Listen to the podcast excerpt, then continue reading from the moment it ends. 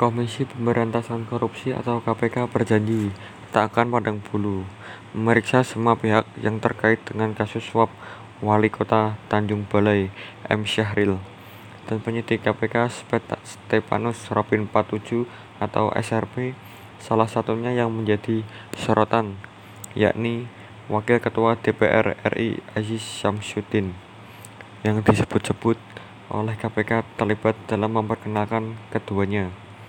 Hal tersebut diungkap langsung oleh KPK Ketua KPK yaitu Firly Bahuri. Firly menjelaskan konstruksi kasus yang diduga menyeret Aziz Samsudin tersebut.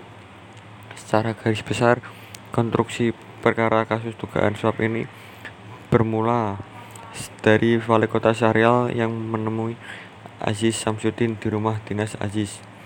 Aziz lantar memperkenalkan Syahril dengan Stepanus Robin 47 yang merupakan penyidik KPK. Syahril menyampaikan masalah hukumnya kepada Stepanus Robin 47.